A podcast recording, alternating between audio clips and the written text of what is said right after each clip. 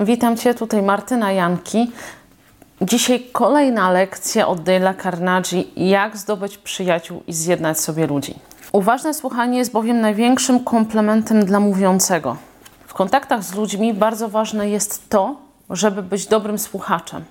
Bardzo ważne jest poświęcanie wyłącznej uwagi rozmówcy i nic nie schlebia nam bardziej niż to. Jeśli chcesz być z kimś w dobrych kontaktach, jeśli chcesz coś osiągnąć, na przykład prowadzisz ważną rozmowę w interesach, y, jakieś negocjacje, albo chociażby jesteś na jakiejś imprezie, albo trafił ci się trudny klient, to pamiętaj o tym, żeby najpierw wysłuchać człowieka, z którym masz do czynienia. Zanim zaczniesz mówić o sobie i zanim zaczniesz wyrażać swoje zdanie, najpierw dowiedz się, co leży na sercu tej osobie, z którą rozmawiasz. Uważne słuchanie jest potrzebne potrzebne nie tylko w interesach, w biznesie, w kontaktach z klientami, ale też w codziennych kontaktach z Twoimi znajomymi, z Twoją rodziną. Zauważ, że każda grupa społeczna funkcjonuje lepiej, kiedy ludzie wzajemnie się słuchają. Słuchając swojego rozmówcy, wyrażasz dla niego uznanie, pokazujesz, że jesteś zainteresowany jego problemem i jego osobą. Wiesz, nawet chorobliwi pieniacze często miękną i dają się uspokoić, gdy mają przed sobą cierpliwego i współczującego słuchacza, który nie protestuje, kiedy władczym głosem wyrażają oburzenie i wypluwają z siebie jad. Idealny sposób na to, żeby tak naprawdę rozwiązać, rozwiązać jakiś konflikt w rodzinie, jakiś konflikt w pracy, albo żeby uspokoić trudnego klienta, który przyszedł do ciebie z jakimiś pretensjami, jest niezadowolony z Twojego produktu, z Twojej usługi, ktoś gdzieś nawalił w jakimś momencie całego procesu, to słuchanie. Słuchaj, co ma do powiedzenia ta osoba, dowiedz się, z czym ma problem. Słuchanie innych ludzi przyniesie ci ogromne korzyści, bo nie tylko poświęcasz im swoją uwagę, a oni doceniają to, że ty poświęcasz im tą uwagę, ale dowiesz się czegoś więcej o ludziach, z którymi masz do czynienia. Dowiesz się, na czym polega problem, będziesz miał szerszy punkt widzenia na całą sprawę. Będzie ci łatwiej wejść w skórę Twojego rozmówcy.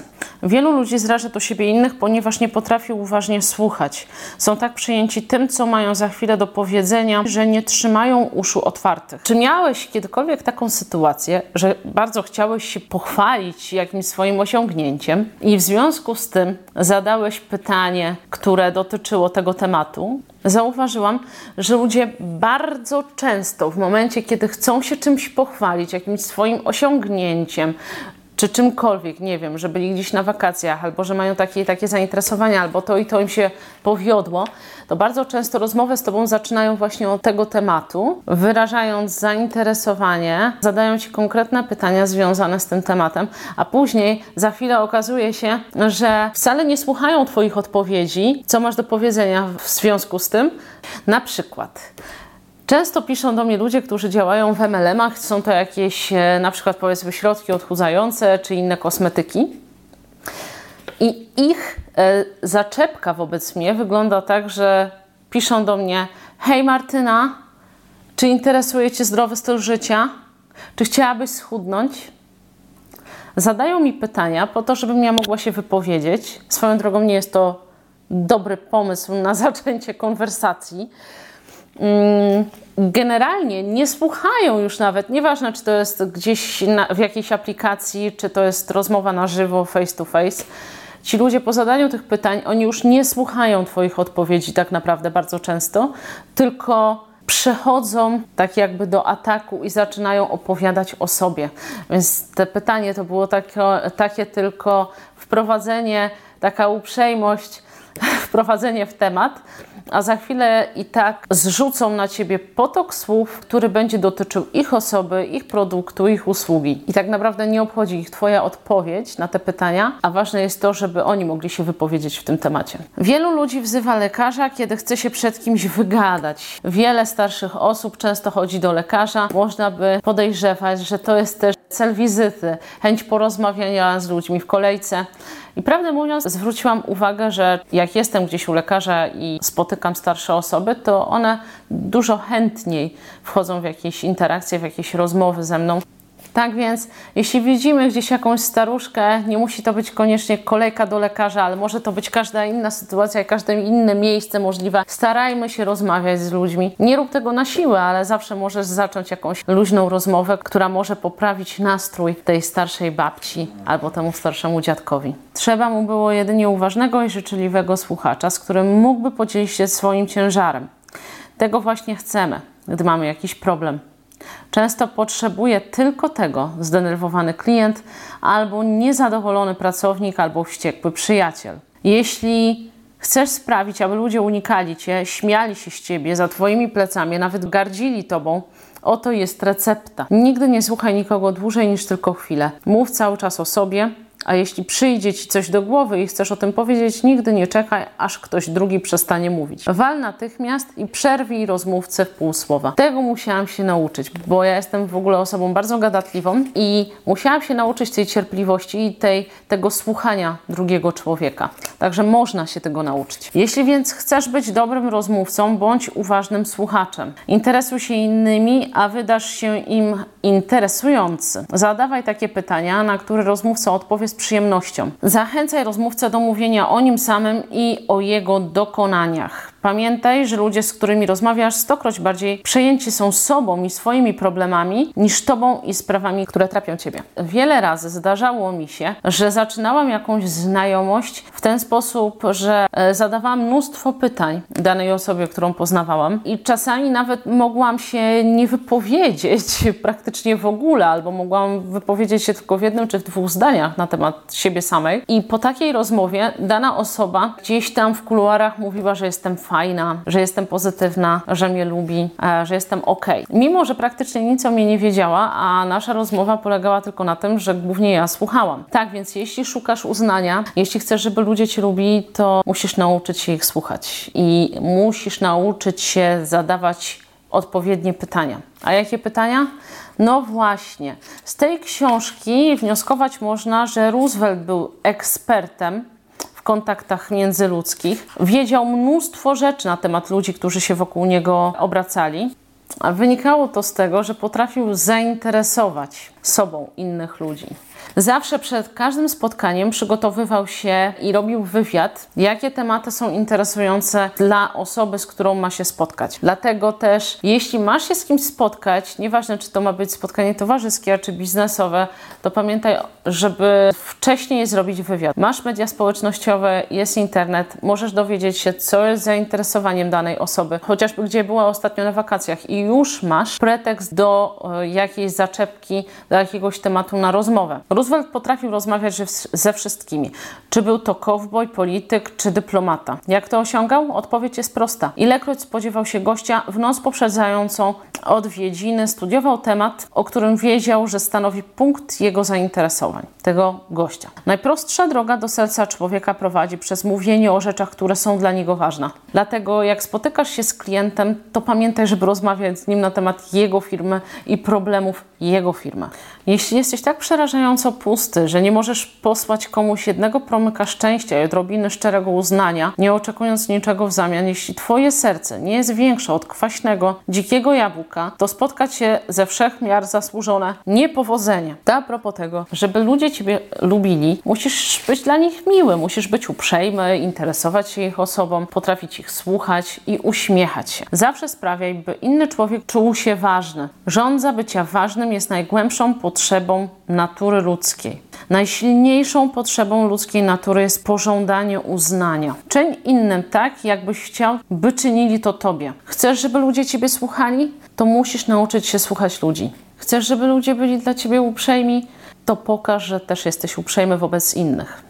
Chcesz akceptacji tych wszystkich, z którymi się kontaktujesz. Chcesz uznania dla Twojej prawdziwej wartości. Tęsknisz za poczuciem, że jesteś naprawdę ważny w swoim małym świecie. Nie chcesz słyszeć tanich komplementów, ale pragniesz przecież wyrazów szczerego uznania. Chcesz, aby Twój przyjaciel i współpracownicy aprobowali Cię z całą serdecznością i nie szczędzili pochwał. Każdy z nas chce tego samego. Czynimy innym tylko to, co chcielibyśmy, aby oni nam czynili. Dale Carnegie nawet podaje kilka przykładów przykładów na to, w jaki sposób możesz rozmawiać, jak odpowiednio formułować swoje wypowiedzi. Jeśli coś ci się nie podoba w czyimś zachowaniu albo widzisz czyjś błąd, to niekoniecznie musisz od razu wsiąść na tą osobę i ją krytykować, a możesz to rozwiązać w sposób pokojowy, używając takich słów. Przepraszam, że sprawiam kłopot. Czy zechciałaby Pani, czy mogę prosić, czy miałby Pan coś przeciw? I wreszcie dziękuję. I dopiero później zaczynasz mówić o tych swoich wątpliwościach. Niemal wszyscy ludzie, których spotykasz, czują się od Ciebie w pewien sposób lepsi. Prosta droga do ich serca prowadzi poprzez delikatne pokazanie im, że dostrzegasz, jak są ważni i szczerze to uznajesz. Mów ludziom o nich samych, a będą Cię słuchać godzinami. Spraw, aby Twój rozmówca poczuł się ważny, ale musisz robić to szczerze. Co zrobić, żeby wygrać kłótnię? Najlepiej do niej nie dopuszczać. Po co udowadniać jednemu z gości, że się myli? Czy to sprawi, że cię polubi? Czy nie lepiej pozwolić mu zachować twarz? Nie pytał cię o zdanie. Wcale go to nie interesowało. Po cóż więc się z nim spierać? Unikaj zawsze stawiania sprawy na ostrzu noża. To jest komentarz do sytuacji opisanej w książce. A propos tego, że na jakimś przyjęciu dwóch facetów prawie pokłóciło się o to, czy zacytowany fragment książki przez jednego z nich pochodzi z Biblii czy z Hamleta. Generalnie chodzi o to, że nawet jeśli wiesz, że ktoś nie ma racji, nawet jeśli wiesz, że ktoś popełnił błąd, to nie musisz być tą osobą, która stoi na straży prawdy i będziesz teraz wszystkim udowadniać, że ta druga osoba nie ma racji. Czasami warto odpuścić. Ponoć, według Dale'a Carnegie, czasami warto też, a, a nawet zdecydowanie warto przyznać rację komuś, kto nie ma racji. Aczkolwiek nie do końca chyba się z tym zgadzam. Jest tylko jeden sposób, w jaki możemy zwyciężyć w kłótni, a mianowicie trzeba jej unikać. W dziewięciu przypadkach na dziesięć spór kończy się tym, że każda ze stron przekonana jest bardziej niż kiedykolwiek o własnej racji. Kłótnia jest zawsze Twoją przegraną. Dlaczego? Ponieważ jeśli przegrasz, to przegrałeś, a jeśli wygrasz, to i tak przegrałeś. Przypuśćmy, że zatriumfujesz nad innym człowiekiem, obracając w gruzy wszystkie jego argumenty. Udowodnisz mu, że się myli, i co wtedy? Ty poczujesz się świetnie, a twój rozmówca pokażesz mu jego niższość, zranisz jego dumę i spowodujesz, że obrazi się za twoje zwycięstwo. Rzeczywiście, jeśli są to kontakty z klientami, to nie ma sensu nikomu udowadniać swojej racji. Lepiej skierować rozmowę na takie tory, żeby to sama osoba sama w pewnym momencie przyznała tobie rację. Dlatego, że jeśli pokażesz komuś, że się myli, to zranisz go do głębi i on już zakoduje sobie w głowie, że każda odpowiedź na Twoje pytanie będzie negatywna. Więc jeśli zwrócisz komuś uwagę, a potem będziesz chciał, żeby coś, ten ktoś od Ciebie coś kupił, zrobił z Tobą biznes, a, a wątpię, żeby Ci się to udało. I im dłużej atakowałem konkurencję, tym bardziej klient jej bronił. A broniąc, uzbrajał się w argumenty, że rzeczywiście są lepsi. Czasami jest też tak, że nawet jak ktoś nie ma racji i Ty próbujesz mu udowodnić, że Ty masz rację, to on będzie dalej brnął w ten temat i będzie szukał różnych argumentów, nawet jakichś nieprawdopodobnych, podobnych, żeby udowodnić Tobie, że jednak się mylisz. Więc pamiętaj, żeby rozmowy biznesowej nie obrócić pole bitwy. Jeśli wdajesz się w spory, dyskusje i kłótnie, możesz czasem osiągnąć zwycięstwo, ale będzie to zwycięstwo próżne, ponieważ nigdy nie pozyskasz dobrej woli swojego oponenta. Niestety na początku mojej drogi jako sprzedawca miałam wiele takich sytuacji, gdzie wiedziałam, że mam dobry produkt, bo wiadomo, każdy sprzedawca musi wierzyć w swój produkt, więc ja wierzyłam w swoje produkty. I kiedy szłam e, te produkty sprzedać do hurtowni farmaceutycznej czy do apteki i słyszałam od razu nie, nieważne z jakiego powodu było to nie z drugiej strony, to denerwowałam się, bo nie miałam szansy tak naprawdę udowodnić, uargumentować, że te produkty, które mam są w porządku i że są warte uwagi. Wtedy zaczynałam się denerwować i czasem rozmowa z niedoszłym klientem wyglądała jak kłótnia. Na szczęście nauczyłam się, że to nie jest dobre postępowanie.